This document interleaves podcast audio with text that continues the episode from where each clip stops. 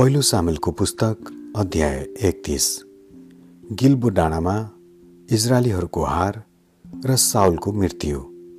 पलिस्तीहरूले इजरायलको विरुद्धमा लडाईँ गरे र इजरायलीहरू पराजित भए र गिल्बो डाँडामा आफ्ना लासहरूलाई छोडेर भागे। पलिस्तीहरूले साउल र उनका छोराहरूलाई खुब खेदे र उनका तीनजना छोराहरू जोनाथन अबिनादाब र मल्किसुअलाई मारे। साउलका चारैतिर लडाईँ मचियो र जब धनुर्धारीहरूले उनलाई भेट्टाए उनलाई सख्त घाइते बनाए। तब साउलले आफ्नो हतियार बोक्नेलाई भने तेरो तरवार थुतेर मलाई रोप र यी खतना नभएका दुष्टहरूले निन्दा गरेर मेरो तमासा नदेखाउन्।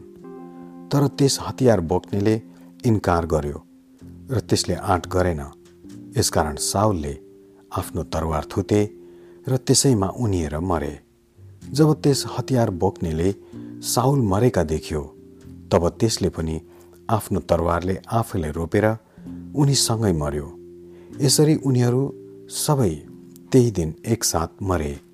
साउल उनका तीन भाइ छोराहरू उनका हतियार बोक्ने र उनका मानिसहरू पनि बेसीमा भएका र एर्दन पारीका सबै इजरायलीहरूले अरू इजरायलीहरूलाई भागेका तथा साउल र उनका छोराहरू खत्तम भएका जब देखे तब तिनीहरू आ आफ्नो सहरहरू छोडेर भागे र पलिस्तीहरू त्यहाँ गएर ती सहरहरूलाई कब्जा गरे।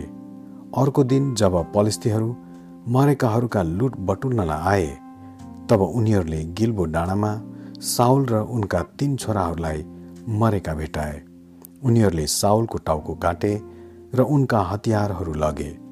त्यसपछि उनीहरूले आफ्नो देशको चारैतिर त्यो शुभ समाचार देवताहरूको मन्दिरमा र मानिसहरू सबैलाई सुनाउन भनी समाचार वाहकहरू पठाए।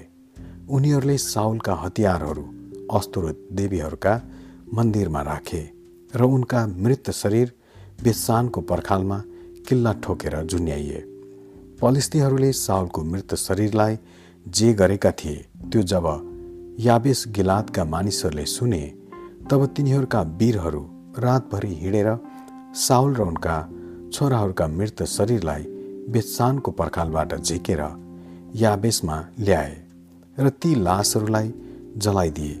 त्यसपछि तिनीहरूले ती हड्डीहरू निकालेर याबेसको झ्याउको बोटमुनि गाडे र सात दिनसम्म तिनीहरू उपवास बसे। आमेन।